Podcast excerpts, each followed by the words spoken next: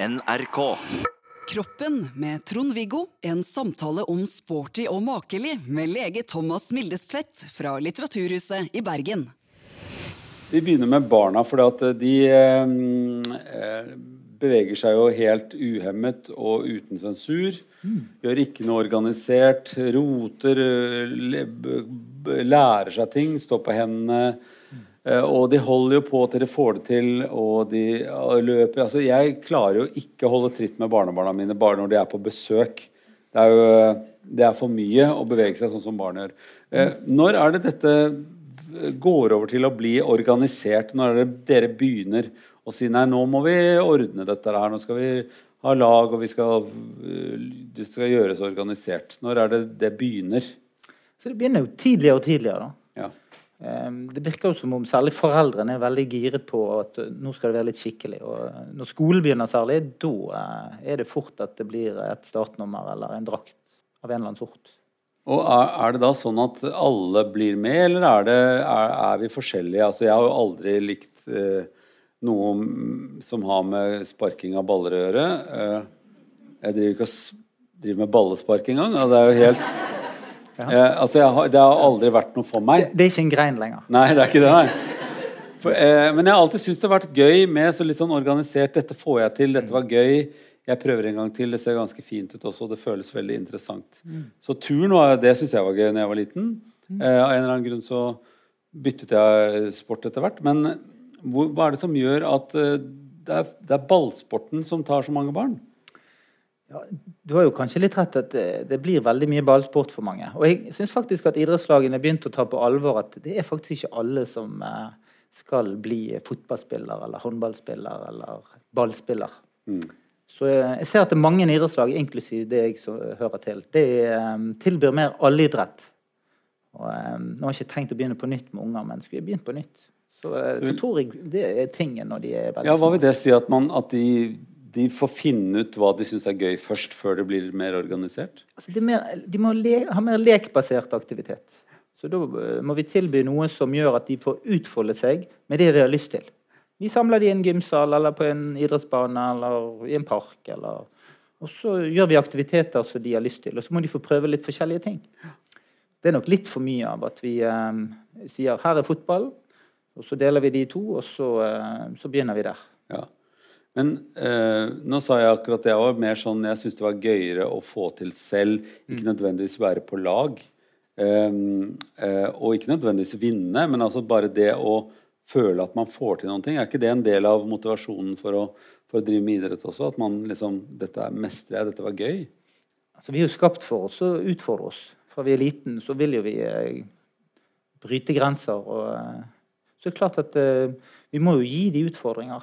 Eh, men spørsmålet er om hva type utfordringer er det nå barn og unge vil ta hvis vi ikke legger til rette for fysisk aktivitet? For det som er litt annerledes enn når du og jeg vokste opp, er jo at nå eh, ser vi at de selv aller minste de syns det er så spennende med disse Ja, nå, nå peker du på sånn eh, iPad-aktige Ja. ting. Ja. Ja. Så de, de spiller der istedenfor eh, enn å gjøre det selv? Jeg tror det er mer av det nå. Mm. At uh, vi vet at barn og ungdom de, eh, de beveger seg mye mindre i sin fritid enn uh, jeg tror forrige generasjon uh, gjorde. Mm. Og da må vi kanskje være, være der at vi må legge til rette for at de kler på seg og går ut og gjør noe med kroppen sin. Mm. Av en eller annen form. Men Det er jo lett å skylde på barn og unge selv, men de, ofte så bare aper de etter det foreldrene gjør. da. At de også sitter og ser på skjermer og ikke tar på seg og går ut.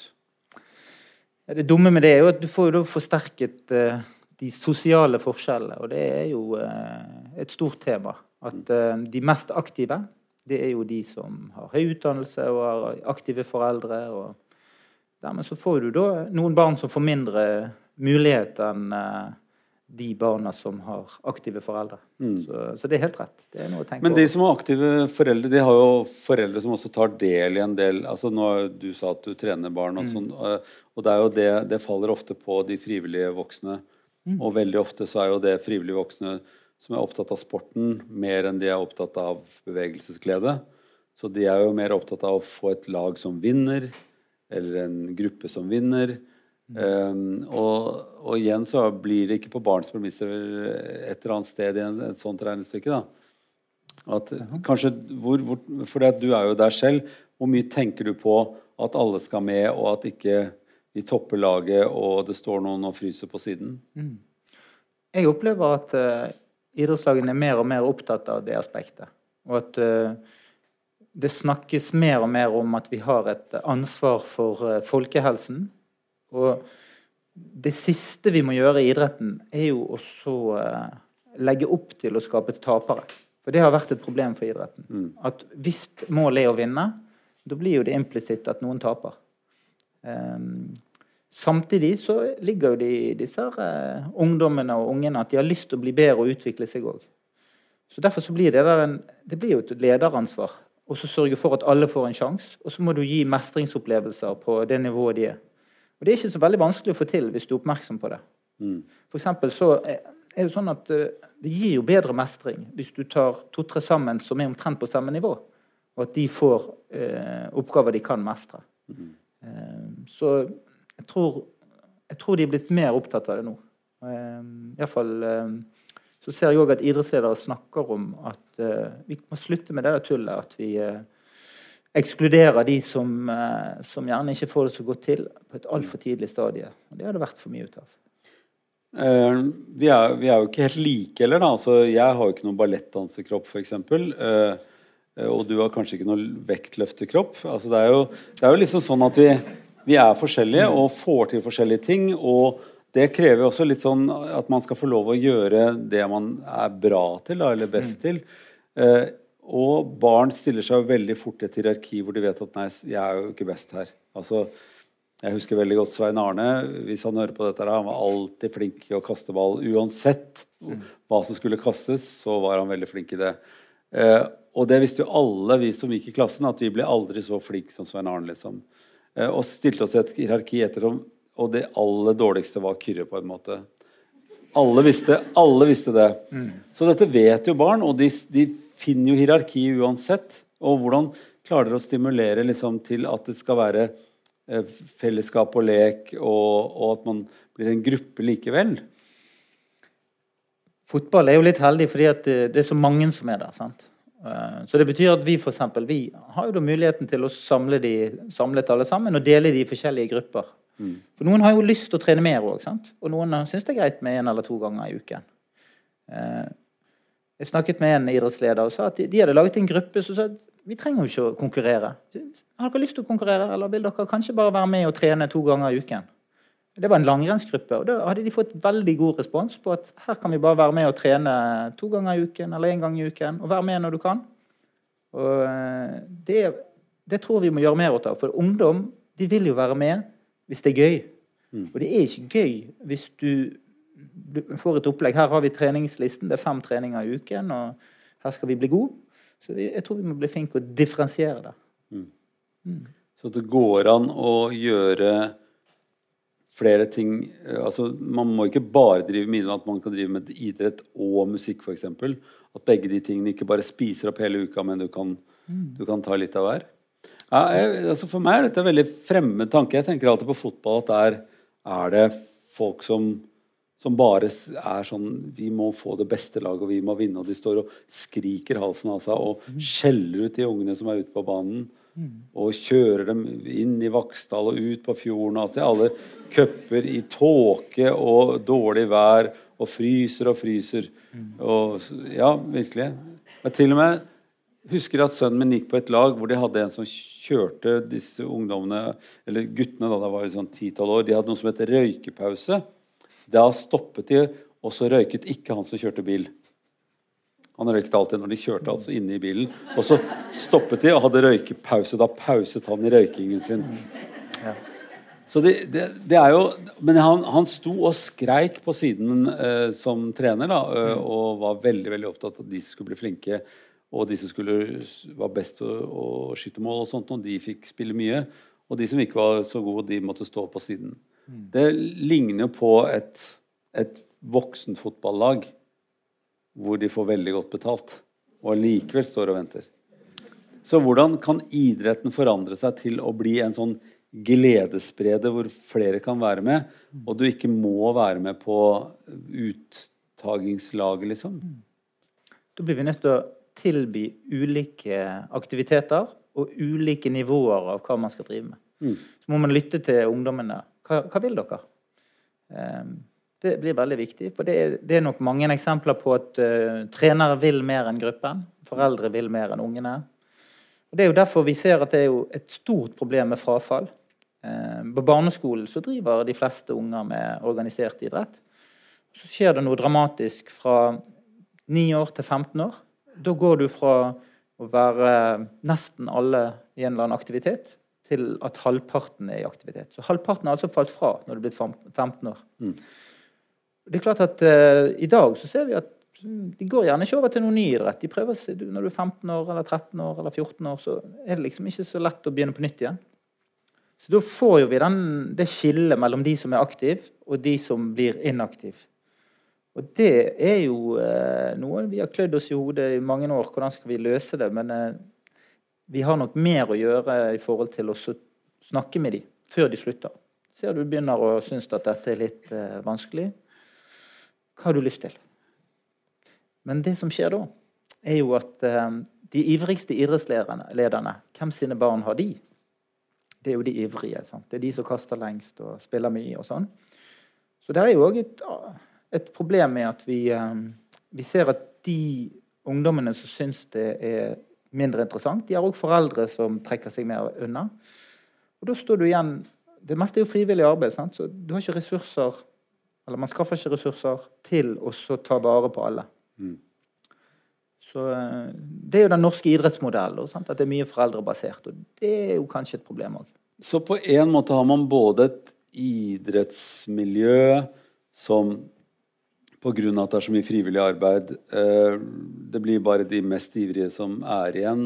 Mm. Og det skilles ut de som har foreldre som er mest opptatt av det.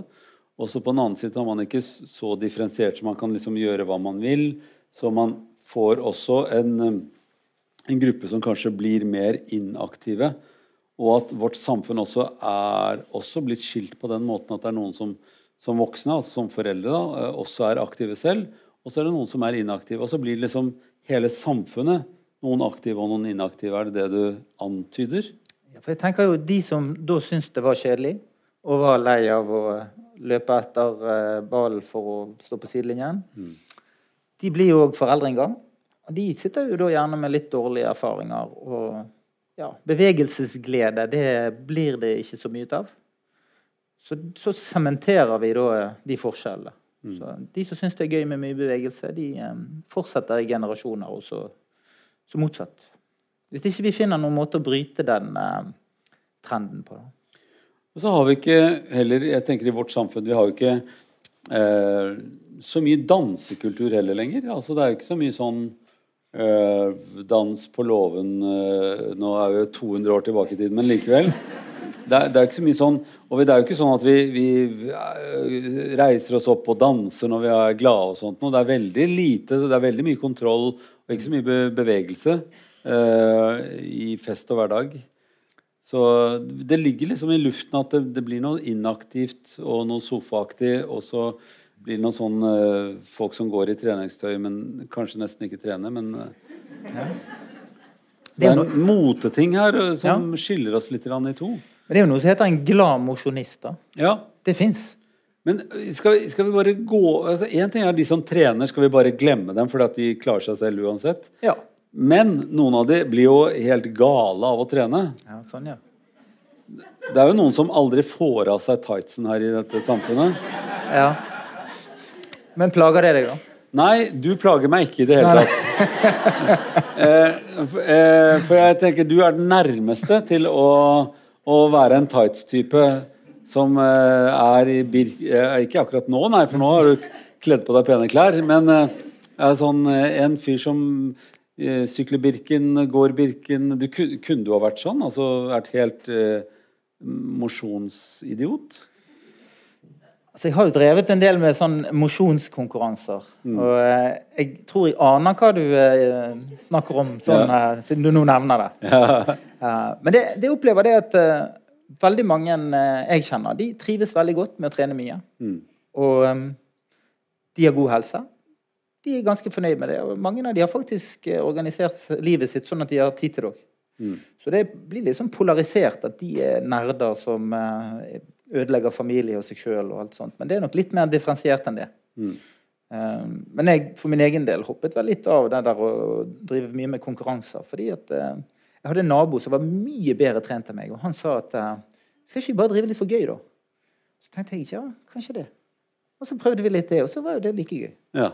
Så, men jeg utelukker ikke. For av og til er det litt motiverende å ha et sånt mål. Da. Så jeg har mange venner som det å så bestemme seg en kameratgjeng for at nå skal vi være med på et eh, sykkelløp, eller vi skal være med på Bergen City Marathon og løpe så og så langt. Det er motiverende for veldig mange. Og jeg syns jo det er bra. Jeg. Hvis det kan motivere folk for oss å bli mer aktiv, som er bra for helsen, så tenker jeg at um, det der tights-hysteriet, det, det, det, er ikke det er ikke så, så gæren, hele gjengen, som du skulle tro. Nei. Nei da. Jeg prøvde liksom å gjøre litt narr av det på én måte for å si at ja, er det så bra å trene så mye? Altså Man skal, man skal jo ha glede igjen for det. Altså du, mm. du, må jo, Hvis du skal trene mye, så må du jo si at dette her syns jeg er så gøy. Mm. Altså det er Uansett hva det er, at det er så gøy at jeg vil bruke mer tid på det, mm. så blir det en måte å, å, å, si at ja, men dette er som en annen ting jeg kunne drevet med, men jeg, dette syns jeg er gøy. Mm. Istedenfor vinsmaking eller dra på klatreturer eller, eller, Det var jo også litt sånn aktivitet, men altså noen andre ting, da. Altså, for det er, det er noen som driver med mye annet som, som ikke ser ut som mosjon. Eh, men eh, disse skal vi da si at ja, dette går sikkert fint, ha det riktig bra. Men bortsett fra at noen av de blir jo litt dårlige fordi de trener for mye. Så overtrente du? Ja. Litt sånn overtrente. Jeg, jeg, jeg syns ikke det er noe hovedproblem, det heller. når jeg merker eh, jeg, jeg, sliter ikke veldig med folk som trener for mye. Er det et helseproblem? Har du, har, har du som lege pasienter som har trent for mye? Veldig ofte så ser vi at det vi snakker om, er det er noen som går ut for hardt. Sant? For hva er overtrening, egentlig? Det diskuteres litt hva for fenomen det egentlig er. For det kan være mange ting som blander seg inn. Og blant annet så er det jo viktig at treningsnivået det økes noenlunde med en viss progresjon. Hvis du går ut for hardt, så risikerer du både skader og at du blir sjuk av det. Eh, de som trener veldig mye, de er ganske bevisste. fordi at trening er jo egentlig å ja, det, Jeg bør jo ikke si det, men det er jo egentlig å skade kroppen. Mm. Ja? Du bryter ned, og så må du hvile deg for å komme på et høyere nivå. Mm. Det heter restitusjon. Mm. Så det, De som trener en god del, de er ganske bevisste og kjenner på kroppen og opptatt av at de må trene balansert. Men det kan jo være vanskeligere hvis du plutselig får en idé om at nå, nå skal jeg virkelig komme i knallform, og så mm. trener man veldig hardt over en, en uh, kortere periode. Uh, og så er det det andre. det er at uh, Så skal det passe med resten av livet. Mm. Og hvis hele uken, hver eneste dag, handler om at du skal rekke over mer enn det du har kapasitet til, så bryter du deg ned på flere områder. Så veldig ofte er det psykiske mekanismer som spiller en rolle når noen kommer og, og føler seg energiløs. Så det er ikke på en måte bare treningen som er utfordringen, men det handler om hele livet. og for hele dette puslespillet som handler om eh, hva man tenkte man burde få gjort, og hva man faktisk har muligheter for gjort. Mm. Er det noen som kan komme inn i en dårlig sirkel når det gjelder trening, sånn at du, du, blir helt manisk på det, at jeg må gjøre det som en nesten tvangstanke? Altså, man blir jo avhengig. Så jeg er jo narkoman. Mm. Så, eh, på den måten at um, jeg kjenner at jeg fungerer dårlig hvis jeg ikke har beveget meg. Jeg liker best å bevege meg hver dag et eller annet. Uh, men så kan vi jo si vi er jo alle avhengig av noe. Sant? Noen liker å pusse tennene to ganger om dagen, og noen mm. liker å sove middag. Og, uh, så jeg tror det at Og verre ting enn det. Mm. Ja, mm. jeg har lest om det. Men det er noe med at uh, uh, hvis du opplever at din kropp er en sånn kropp som ikke fungerer så godt som et tre, at det er noe som virker bedre, det, både fysisk og psykisk, når du er i regelmessig aktivitet. Så er det en form for avhengighet, det. Mm. Men vi er jo avhengig av å spise og sove. og Det er mye som kroppen trenger å sette pris på. Og noen tror jeg er mer avhengig enn andre av at man er i regelmessig aktivitet. Mm. Og så er det kanskje noen som har spesielle utfordringer som gjør at de faktisk kroppen responderer veldig dårlig på for høyt aktivitetsnivå. Noen pasientgrupper er sånn. Og Det eh, må man jo prøve å finne ut av.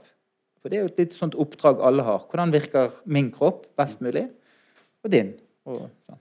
Og, og så er det jo det eh, som heter kroppsfiksering, hvor det er, som er mer og mer i vår tid, at det er noen som, eh, som sliter med at de syns at kroppen burde sett annerledes ut, og at treningen er veien dit. Og at da også tenker jeg at jeg kan bruke litt hjelpemidler som er medisinske, og veldig mange ungdom har jo gått i den fella, uh, som, som bygger kropp med medisiner. Eh, som jo er et, et ordentlig medisinsk problem også. Du tenker på dopingaktivitet og sånt? Ja. Mm. ja. Men det er klart at eh, Motivet for hvorfor vil jeg drive med dette, her, det eh, er jo eh, noe man bør tenke over. Iallfall når man er blitt voksen. da. Altså, hva har du lyst til? Hvorfor gjør vi dette? her? Men sånn er det jo med mange ting. Hva, hva bruker jeg tiden min på? Hva er viktig for meg? Hvordan tenker jeg eh, Hva er familiens eh, rolle?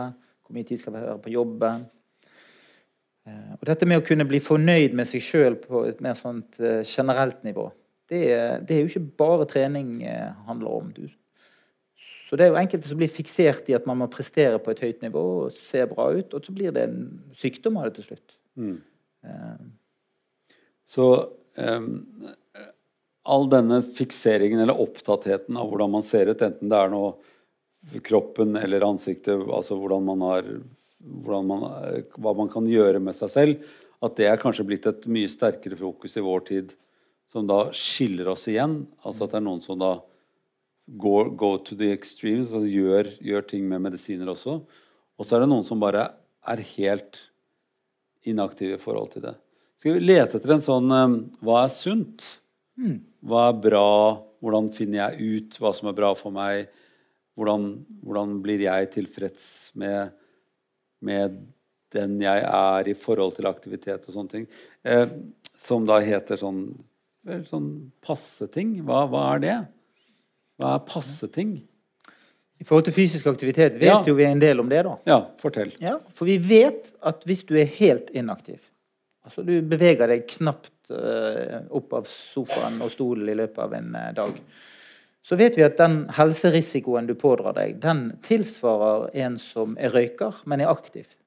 Altså, sant? Vi vet jo at røyking ikke er spesielt bra for helse, helsen, men Vi vet vel egentlig at det er veldig, veldig dårlig. ja, det er vel faktisk ganske så farlig. Ja, Ja. Har jeg hørt, da. ja. Og Og nå antyder du Ja. at det å være inaktiv, det er den slags nye røykingen. Ja, det, var, det har vært noen artikler som sier at 'sitting is the new, new smoking'. Faktisk. Det var det jeg sa oversatt til engelsk. Ja. Du, jeg leser det mer på engelsk sånn i akademia. Men um, der gikk de litt for hardt ut, da. Fordi da ble jo noen tok jo det der veldig til seg, og det sto mye i avisen om det. Så da tenkte jo noen glupinger at da kan jo vi tjene en god del penger på eksempel, Da må vi i hvert fall få folk til å stå på jobb, så det blir masse sånne heve-senkepulter. Og en veldig glup Gluping, da, han var lege, han, han eh, solgte sånne eh, tredemøller til bruk på arbeidsplassen. Så da var liksom tanken at nå skulle vi liksom overføre til min jobb, så skulle jeg ha gående konsultasjoner på legekontoret. Eh, problemet var bare det at eh, når de så nærmere på hva det betydde for helsen, dette med sitting, så er det sånn at det er fryktelig lite gunstig å sitte mye hvis du ellers ikke beveger deg. Og Det var jo litt til trøst for oss, sant? apropos dette hva vi skal være fornøyd med. Fordi det er sånn at hvis du klarer å levere regelmessig fysisk aktivitet på et minimumsnivå av eh, sånn ca. en halvtime fem dager i uken, 150 minutter, eller hvis du klarer å få opp litt eh, høyere puls, 75 minutter i løpet av en uke, så har du kanskje gjort det minimumet som gjør at du kommer i en annen risikoklasse. Så kan du legge på litt mer.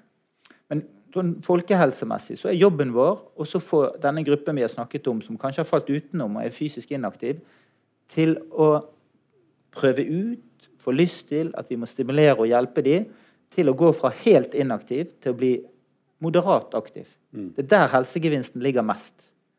De som løper rundt i trikot, de klarer seg stort sett sjøl. Og så kan vi lure på om det kan bikke over for noen at de kan få Og da får vi heller ta en prat når det kommer så langt. Ja. For, det, for noen er det et stykke til. Eh, men eh, for de da som har vært barn, vært med å gjøre idrettsting som man kan kalle det i starten, altså spilt ball eller vært på turning eller altså gjort, gjort ting, eh, og er blitt demotivert av det fordi at man har toppet laget og sånne ting, så stiller du jo med en vanskelig motivasjon når livet forandrer seg, og du av mange grunner enten blir sittende og jobbe, eller lesende og jobbe, eller altså gjør en jobb som ikke er så aktiv. da. Og det er det jo flere og flere av etter hvert. Og så skal du tenker du, nei, må, nå må jeg begynne å gjøre et eller annet. Og så har du en ganske demotivert eh, start på, på fysisk aktivitet, enten fra skolen, en håpløs gymlærer f.eks., som kaster nøkkelknipet etter deg hvis du ikke løper fort nok, eller skriker til deg fordi du ikke gjør nok armhevinger. eller altså, Det er sikkert laget mange stygge filmer om, om de lærerne. Eh, men i hvert fall ikke har sett at dette her med bevegelsesglede er en del av, av, av det å bli motivert. Hvordan, hvordan tror du disse skal motivere seg hvis du en dag sier nei, nå må jeg begynne med et eller annet? Hva skal man gjøre da? Dette tror jeg er et kjempedilemma for veldig mange. Motivasjon kommer jo innenfra. Og eh, hvis vi er heldige, i min jobb så er det sånn jeg snakker med veldig mange folk. Og mitt utgangspunkt er jo at de som kommer til meg, de har jo et eller annet helseproblem. Så da har jo på en måte vi et inngangsport for å diskutere hvordan vi skal løse et, det, noe de opplever som et problem. For hvis vi skal endre oss, uansett hva vi vil, så må vi komme på da at vi har et problem. Eller så vil ikke det være noe aktuelt for oss. Og noen ganger så kommer vi på det helt av oss sjøl. Det kan være fordi kanskje noen har sagt noe glupt til oss. Vi har sett noe kjekt på TV som ga oss en idé. Vi får en ny kunnskap. Eh, Så hender det vi finner på nye ting fordi vi kjeder oss. Sant? At det kan være at eh, nå må jeg jammen komme meg ut og treffe noen folk, og så var det en gågruppe som var alternativ for de. Eh, Men kanskje det mest effektfulle for å få oss til å endre oss, det er hvis vi har det vondt på et eller annet vis. Altså Vi kjenner at livet er faktisk ikke bra for meg nå. Eh, Og Det er jo situasjonen når de kommer til legen, stort sett, at eh, de har et problem. Og, eh, og da er jo jeg i en litt sånn spesielt heldig posisjon i forhold til det at jeg tror at fysisk aktivitet kan være nyttig for mange. Da, da, da kan jeg få lov til å være i en, i en, en slags veileder, da. Så det blir jo min jobb å prøve å lokke fram om det fins noe indre motivasjon for å gjøre, prøve noe nytt. Eh, så- det tror jeg er oppgaven til f.eks. fastleger og helsevesen. Å gi de tilbudet. At ikke det bare er snakk om medisiner eller eh, rehabilitering og sånn. Eksterne ting. At 'nå skal vi fikse deg'. Men at vi kan snakke sammen om de mulighetene de har sjøl. Mm. For det styrker jo vi de. Eh, Så det tror jeg er en, en, en viktig måte å møte de Så én ting er legene som møter folk som har det vondt på en eller annen måte. Og, og nå tenker jo de aller fleste på at de har det kroppslig vondt. Men det kan både være kroppslig manifestert, men det kan også være at man er deprimert eller er engstelig eller andre ting. Så, så er faktisk eh, det vist at, at en eller annen type bevegelsesglede eh, vil hjelpe situasjonen. Så du er, tenker nesten at dette burde være en slags, slags resept du burde tenke gjennom? Altså, hvis fysisk aktivitet, eller effekten av fysisk aktivitet kunne komprimeres inn i en pille, så hadde jo alle tatt den. Absolutt alle hadde løpt og kjøpt og betalt nesten hva som helst for den. For eh, Det er jo veldig mye forskning på eh, hva for gunstige helse, helseeffekter du kan få. Og Det er egentlig bare å begynne på toppen og så jobbe seg ned gjennom eh, systemet. og de som trener regelmessig, de lever lenger, de er mindre syke på et generelt nivå. Eh, og vi ser jo at effektstørrelsen tilsvarer veldig mye av de medisinene vi tilbyr. Så det er jo på en måte et lite paradoks at vi så sjelden eh, investerer noe særlig ressurser i å hjelpe disse i et mer aktiv livsstil. Jeg har f.eks. blankofullmakt til å skrive ut medisiner til deg hvis du kommer til meg og har fått litt høyt blodtrykk og litt høyt, litt høyt blodsukker. Men jeg har veldig få virkemidler til også hvis du trenger ekstra hjelp for å komme i gang med fysisk aktivitet. Og den indre motivasjonen som, eh, som du snakker om, er det eh, Tror du at, at alle kan finne den? Altså, tror du at alle kan finne den på et eller annet nivå? Altså Hvis man bare syns det er så dårlig i livet jeg har, jeg har, ja, Nå spiser jeg så mye, eller jeg har gått opp så mye vekt, og jeg er så lei meg, og også, også og ha problemer med forholdet og sånt noe. Og da er ikke det første du kommer på å, fysisk aktivitet. Det har vært lurt å begynne en gågruppe. Det er, det er liksom ikke det som slår deg som det første. Du får jo lyst til å gjøre noe annet først. Jeg tror Vi er jo, vi er jo skapt til at vi ønsker oss å utvikle oss på en positiv måte. Vi ønsker jo å være fornøyd i livene våre. Vi ønsker jo også ja, tilbake til barneåret å kjenne at vi klarer ting og oppnår ting. Og En del opplever jo at kroppene deres etter hvert blir stengsler for å få det livet de ønsker seg. Eh, så du kan jo ha den utfordringen at selve aktivitetene har de få mestringserfaringer med. Mm. Men det er veldig få som ikke har noen positive opplevelser med å bevege seg i en eller annen setting. Uh, Iallfall er det viktig for oss å lete etter de. For det er jo forferdelig mye forskjellig vi kan drive med. da. Og vi snakket mest om litt ballspill og litt uh, overtrening og litt sånt. Men uh, dette med å være aktiv, aktiv, i hverdagen, velge å ta trappen, velge å, å, å finne en aktiv transportmåte, gå til ting Det er òg en form for aktivitet som blir viktig for de helt utrente. At man øker den generelle aktiviteten. Nå hører jeg liksom at suset fra befolkningen her Ja, nå snakker vi! Eh, hvis det er snakk om å gå trappen istedenfor hvis det er om å gå til butikken istedenfor å ta bilen hvor, hvor um, Jeg jobbet sammen med en bassist som sa at man må legge lista så lavt at man bare kan subbe over. Det syns jeg er et veldig fin motivasjonsgrense. Hvis man altså kan uh, istedenfor å tenke at jeg må ha på meg tights, jeg må allerede se fin ut, da kan jeg begynne å, å jogge. Mm. Men for mange er jo det å ta i for hardt.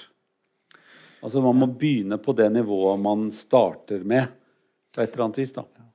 Men jeg, jeg, tror akkurat som når vi møter barn og ungdom, så må vi møte voksne med et spekter av mange forskjellige eh, tilbud. Og det er masse som har vært prøvd ut. Eh, jeg har vært engasjert i et forskningsprosjekt der vi tilbyr folk en elsykkel. Vær så god, du kan få låne en elsykkel og den må du bruke til og fra jobb. Og de var da helt utrente, ikke vant til å bevege seg noe si, målrettet og eh, hyppig. Og pleide å ta bil eller eh, buss til, til jobb.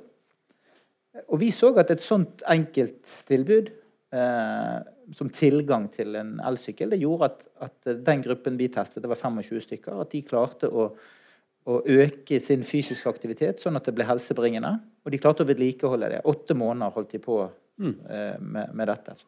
Så den type tiltak og nå, det, for det, det er sånn subbover, tenker jeg, hvis du sier du, at uh, du, og du får en elsykkel. Det er jo hakket hakket over å gå, på en måte. Samtidig som en elsykkel kan du jo stille inn på noen som kan hjelpe deg hvis det er veldig bratte bakker. Men du kan jo sykle den sjøl også, altså som, og ikke be om hjelp fra elektrisiteten. Eh, det høres jo veldig motiverende ut istedenfor å si Nei, nå må du bevege meg på deg. Kom igjen. Ja. Det løser et problem til. sant? Man må jo transportere seg. Det var ikke meningen å erte deg når jeg sa det på bergensk. altså. Jeg, jeg tåler det. Nei, men det er noe med at uh, uh, Hvis du får litt drahjelp Og i en elmotor har du drahjelp, mm. åpenbart. Og så det løser et uh, problem som mange har likevel, å komme seg fra A til B. Og det er køer? Ja. Jeg sykla til jobb, og det var køene som flyttet meg fra bil til sykkel. Mm. Det var egentlig ikke sånn at jeg kom på at uh, sykling til jobb det var min drøm, å bli våt og kald og alt det der. Mm. Men, uh, men da du finner ut at det går faktisk like fort å bruke sykkel i de fleste tilfeller når man tenker på transport til og fra jobb i denne byen vår, så, uh, så tror jeg det er en del som blir overrasket over hvor greit det går når man har prøvd å gjennomføre det over litt tid. Mm. Så kanskje er det flere som trenger å teste ut ting før de avskriver det som uh, ikke aktuelt for dem. Og hvis man begynner med noe, så er det jo lettere å begynne med noe annet også, tenker du da? Altså at det er motiverende i seg selv å ha mestret og fått til eh, noe som i hvert fall var en, et initiativ. Følge opp et initiativ. Det ser vi òg på undersøkelser til barn og ungdom. Hvis du f.eks. får de til å gå til skolen. Det har vi et kjempeproblem. sant? Første klasse, da blir 60 kjørt til skolen. Mm. Og så når de da er kommet opp i kanskje tredje-fjerde, da må du, ja, nå må du ta litt bussen når du er stor nok, stor nok til det. Men fremdeles så er det jo på en måte passiv transport for, for flertallet. Så det er jo et viktig satsingsområde å hjelpe allerede fra barn og ungdomsalder til at eh, hvis du skal komme deg et sted, og det er mulig å f.eks. bruke en sykkel, så eh, vil, ser vi at de som gjør det, de blir mer aktive på fritiden òg. Så det, da kan jo det kanskje være at man liker å bevege seg da, når man bare kommer i gang. Mm. Det er iallfall eh, det som vi ser på de som eh, får det til. Så eh, det høres ut som noen er lettennbare, og andre er litt sånn vanskeligere å få, få ut av dårlige vaner. Da. Eh, hva, hva, skal man lete etter da, hvis man er sånn at man tenker ja, jeg må begynne med et eller annet, søren hva jeg skal gjøre for noen ting. Hva, hva, hva ville være ditt råd? Hvor, hvor ville du begynt å lete? Elsykkel er én ting, mm. eh, og, men du sa gå i trapper. Eh, men det er jo ikke alle steder man trenger og Det er jo ikke alt som er i, i tredje og fjerde etasje, liksom. Skal man gå opp til Skal man aldri ta heis? Jeg tror mange tenker sånn sånn, jeg må gå litt ned i vekt. Da tenker de å, jeg må gå ned 20 kg i løpet av en uke. Altså det, De legger sånne, sånne, mål som det ikke går an å nå i det hele tatt. Hvordan skal man finne det nivået jeg skal legge meg på, og det målet jeg skal ha? Man må jo spørre seg sjøl hva type aktivitet er det som er gjennomførbart. For det er Noen har begrensninger òg. Og så er det noen ting man vet man ikke liker. Så det spørsmålet må jeg alltid speile tilbake til folk. Men eh, det som mange sier som er barrierer for å få være mer aktiv, det er det at ja, det er upraktisk. Jeg har ikke tid, sier mange nå. F.eks. det med sykling.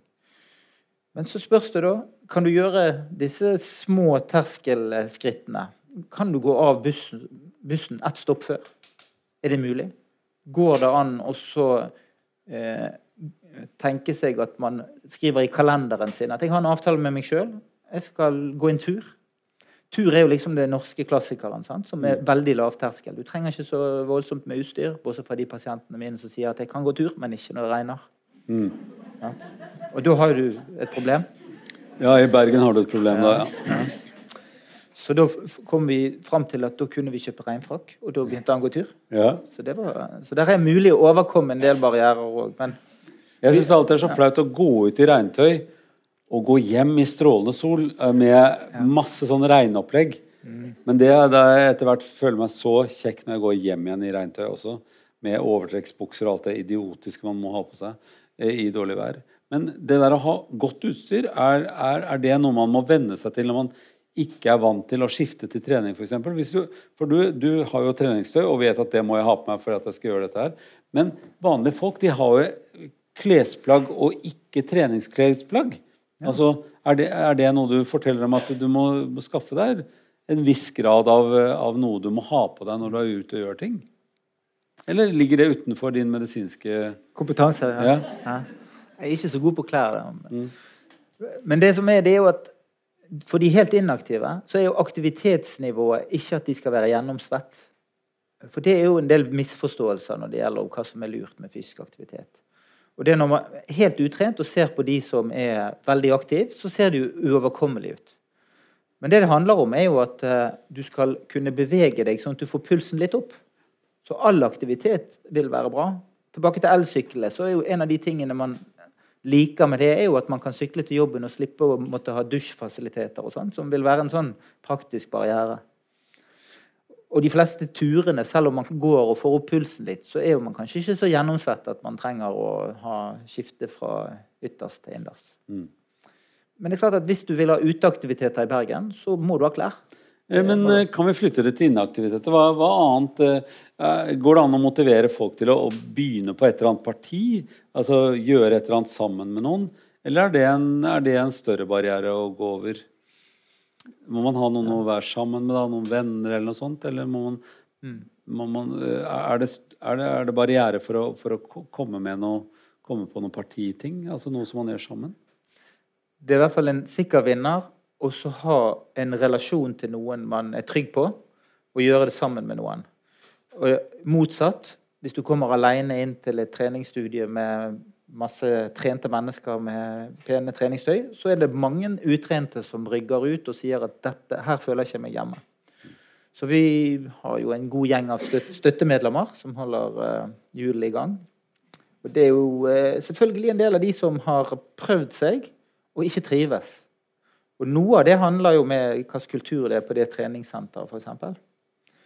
Eh, men så er det jo noen treningssteder som har tatt det inn over seg at man kan eh, være med på eh, det nivået man er på, og så kanskje legger opp til treningsgrupper med nivåer som er overkommelige for de utrente. Mm. så det tror jeg at det er et behov for at man eh, har et differensiert tilbud der òg. Men det er nok lettere å gå inn på et sånt sted hvis du kjenner noen fra før. Mm. Uh, igjen så er man veldig forskjellig. Jeg tenker sånn For min del så er så er det sånn at eh, vi i min familie har vi da en Kona mi og jeg vi trener på vidt forskjellige deler av dagen. Altså Hun kan stå opp og løpe en liten tur. Jeg kan aldri stå opp og løpe en liten tur. Men om kvelden når jeg har lyst til å løpe, da har hun ikke lyst til det i det hele tatt. Så eh, er, er vi nå sånn innstilt? Har vi forskjellige klokker i oss? Eller er, det noen deler av dagen som er bedre enn andre? Altså, for det kan jo være veldig demotiverende å, å begynne gærent der også, tenker jeg. Altså, Hvis du hadde sagt at ja, nei, man må bare løpe om, før klokka åtte, da hadde jeg tenkt da er det absolutt ikke noe for meg. Da skal jeg ikke gjøre det. Det handler jo om å kjenne seg sjøl. Det handler jo om også Noen er morgenmennesker, og noen fungerer dårlig på morgenen. Og det er jo helt greit. Det kjipe er jo hvis man hadde hatt lyst til å uh, tatt seg en tur sammen, så uh, må man kanskje forhandle om det, da. Mm. Men det var jo helt rett. Vi, vi, vi fungerer forskjellig. Og det er ikke alle som eh, vil føle seg mest vel hvis de blir tvunget til morgenaktivitet. Og det er nok en barriere for enkelte i forhold til å sykle til jobb og sånn òg. Det er jo morgenen, det. Mm. Ofte om morgenen. Men hvis du da øh, igjen, Jeg syns motivasjonen er så viktig her. Når du da ikke har lyst til å begynne med, eh, får man voksne mennesker til å si rett og slett ja, men dette skal jeg gjøre uansett. Nå har jeg blitt enig med legen min. Jeg, dette her må jeg gjøre. Jeg har fått en sykkel. Jeg må kjøpe meg en regnbukse. øh, Og, det, og, og så har du klart det en uke og så tenker dette er jo for jævlig å stå opp så tidlig og sykle. Hvordan finner man den motivasjonen som sier fortsett, fortsett, fortsett, hvis du ikke har det i deg? Det er ikke alle som finner den. Mm. Det er bare å erkjenne de harde fakta om at tilbakefall er jo det vanlige med all endringsarbeid. Men da er det spørsmålet viktig, da har vi to spørsmål som vi bruker av og til i sånne motivasjonssamtaler. og Det ene er hvor viktig er det for deg å gjøre den endringen? Og Da kan vi av og til, eh, når vi er i skikkelig god motivasjonsform, da kan vi spørre de på en skala fra null til ti, der ti er det viktigste i livet ditt. Hva vil du si? Hvor viktig er det for deg å øke din andel av fysisk aktivitet? Og det er jo klart at Hvis du da scorer veldig høyt, så vet vi at aha, her har vi en motivasjon. Men så er det ett spørsmål til som kan hjelpe oss til å finne ut hvordan dette skal gå. Og det er hvis vi spør OK, så du, dette er veldig viktig for deg, men hvor sannsynlig er det at du vil gjennomføre denne endringen med å være mer fysisk aktiv f.eks. de neste tre månedene?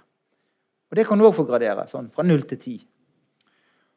Og hovedutfordringen der er at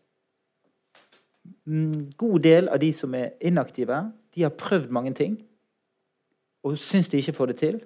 Og dermed så står de litt fast der de scorer veldig lavt på troen på at de kan få gjort en endring, mens de hver eneste dag sier til seg sjøl når de legger seg åh, jeg burde jo kommet i gang, for det er jo så viktig. Det kan være helsen, eller det kan være kjeft av partneren, eller det kan være andre viktige argumenter. Og Dessverre er jo det oppskriften på depresjon. da. For depresjon det er jo at du ikke når opp til dine egendefinerte standarder.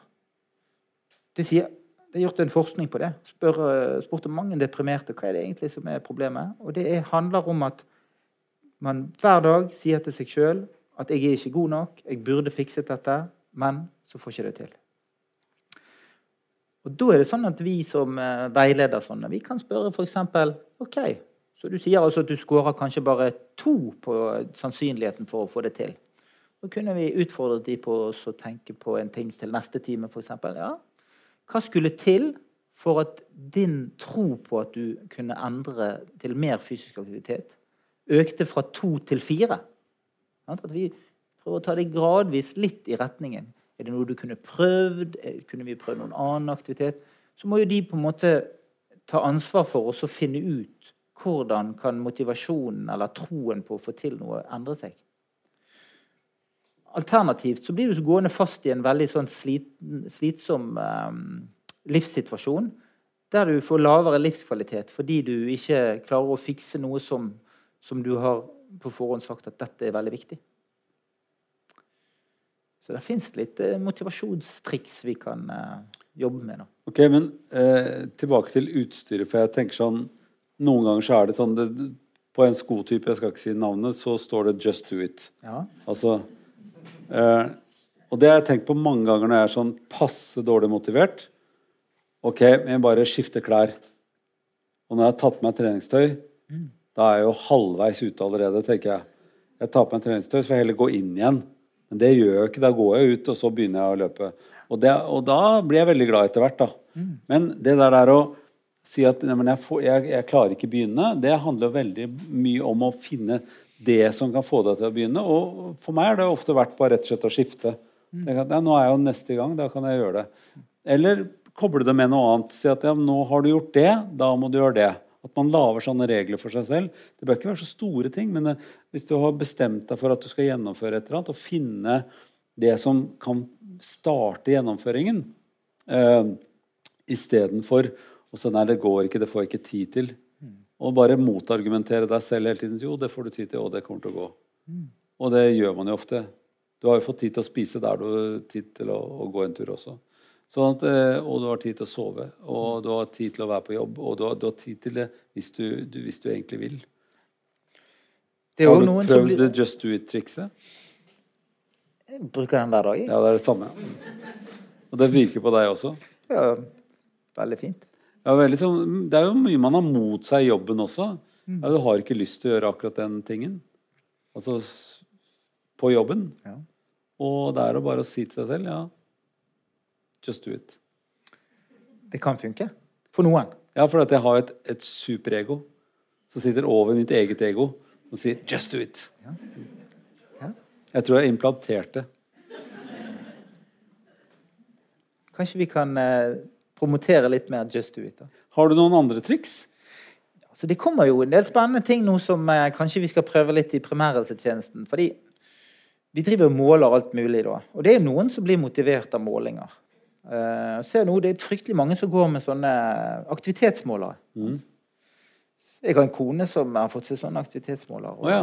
Det er veldig motiverende. Det er, det er, det som heter skritteller. Det syns jeg er så veldig vanskelig ord, egentlig. Ja, ja. Hvor mange skritt har du borti i dag? Så, det kan være det den teller, ikke sant? Ja, mm. Det er mye avansert du kan legge inn der. skjønner Du Du kan f.eks bestemme deg for hvor aktiv du vil være i løpet av en dag, og så får du liksom hele tiden litt sånn eh, Nå må du opp og gå litt. Eller han kan si 'Så flink du har vært nå, du nådde Og kanskje sprengt rammene for det du hadde tenkt. Og, ja. Men sånne ting kan du også si 'Nei, dette gikk ikke heller'. Ja. Ja. Men da kan du senke litt ambisjoner, da. Okay. Det er et sånt triks. For ja. da kan du få mye sånn grønt skryt. Ja. Det hjelper ikke for alle, men for noen kan det kanskje hjelpe. Og så kan vi kanskje bruke det på legekontorene. For hvis jeg virkelig vil og jeg har en pasient som sier at eh, vet du, jeg har lyst til å forbedre helse, jeg har lyst til å teste ut ditt forslag om mer fysisk aktivitet. Så er det jo kanskje en ting vi kunne konkretisert. Så ja, men da prøver du det, da. Så kommer du tilbake igjen hos meg om to-tre uker. Og da er det jo på en måte en, en, mulighet for en dialog. For vi gjør jo det med andre medisiner. Sant? Vi sier ja, vi må ha en dose, og vi må ha en eller annen form for uh, frekvens for hvor ofte du skal ta det. Sant? Og med trening så handler det òg om en intensitet. Mm. Så, så fysisk aktivitet er jo òg en medisin. Og det er det jo for en del folk viktig å ta. Ja, så du kan sammenligne det med det. Si at på samme måte som du tar en medisin, så skal du skifte til de klærne der og gjøre det der. der. Eh, er, det, ehm, er, det, er, det, er det forsket noe på hva, hva det er som får folk til å si Nei, jeg bare, jeg bare begynte med det fordi at jeg kom på at det var veldig lurt. Eh, jeg var borti en pasient i dag som vi hadde, og han hadde gått ned liksom 40 kilo øh, kroppsvekt da, på ett år.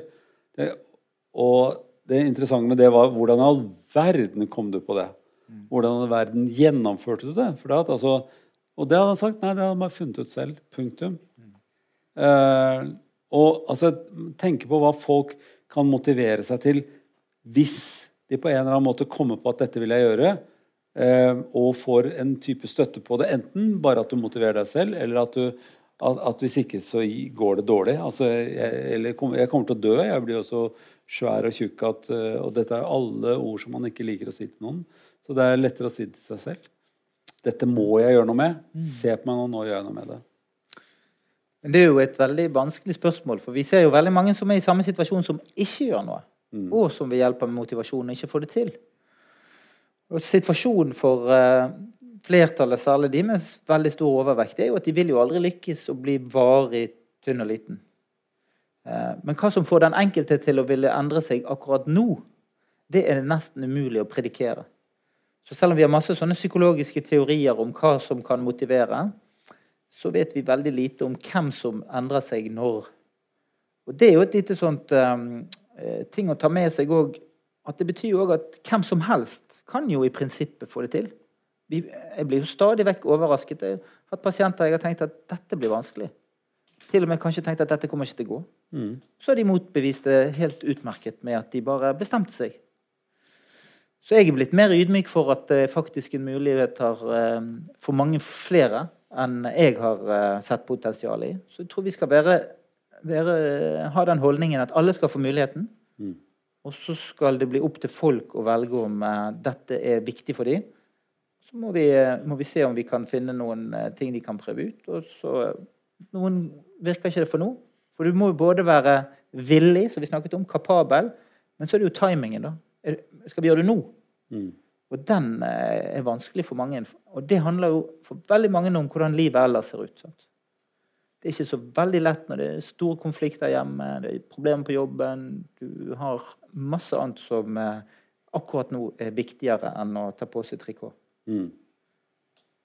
Eh, eneste jeg ikke likte, var den trikoten, merker jeg. Nå, eh, eh man må ikke ha trikot. Nei, det var det. Nei, for, og, ikke. så det, man kan skifte til noe annet. og, ja. bare just do it. Uh, uh, jeg vil oppsummere dette som at det, det jeg syns jeg har lært, uh, er at man kan godt lete etter, og bruke ganske lang tid på det, å lete etter hva er det jeg har lyst til, på hvilket nivå og når. Altså alt det der, der som vi pleier å forske på med andre ting når det er noe vi har lyst til.